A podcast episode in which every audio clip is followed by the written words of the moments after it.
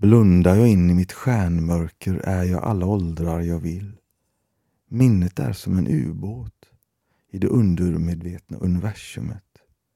Tusen trådar att följa som försvinner och poppar upp och slingras i mitt inre hav.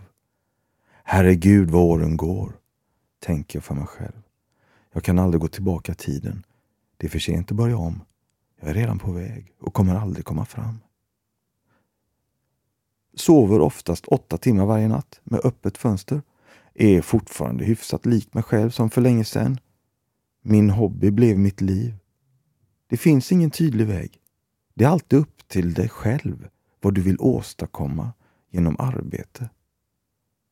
Nyfikenheten kommer och går.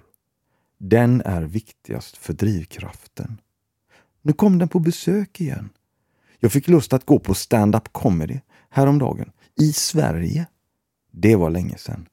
På Andra Långgatan. The Abyss heter stället som har en stand-up comedy-klubb varje måndag där förmågor testar material. Gratis inträde. Förväntningarna måste bygga på nyfikenhet och att du gillar comedy. Det är högt och lågt. Få ta det för vad det är.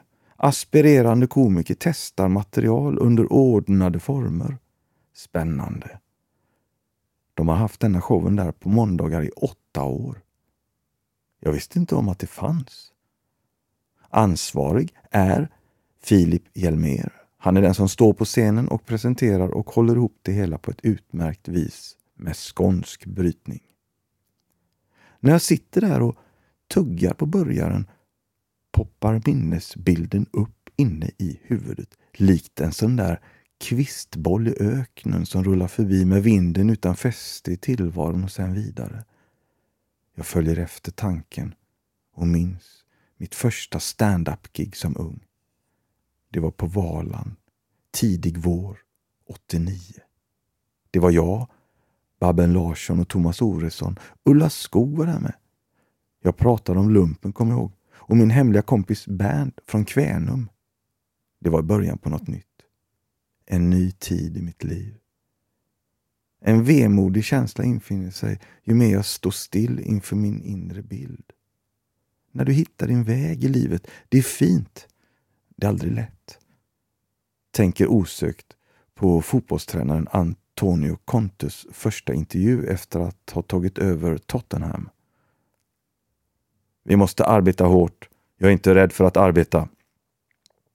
För i mitt liv har jag lärt mig att det bara är genom hårt arbete som du når viktiga mål. Sa han. Och så är det ju med allt.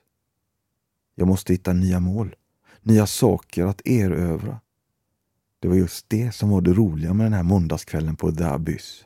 Sökandet. Det är inte klart. De är på väg. Jag skulle gärna ställa mig där en kväll och testa material. Om jag vågar.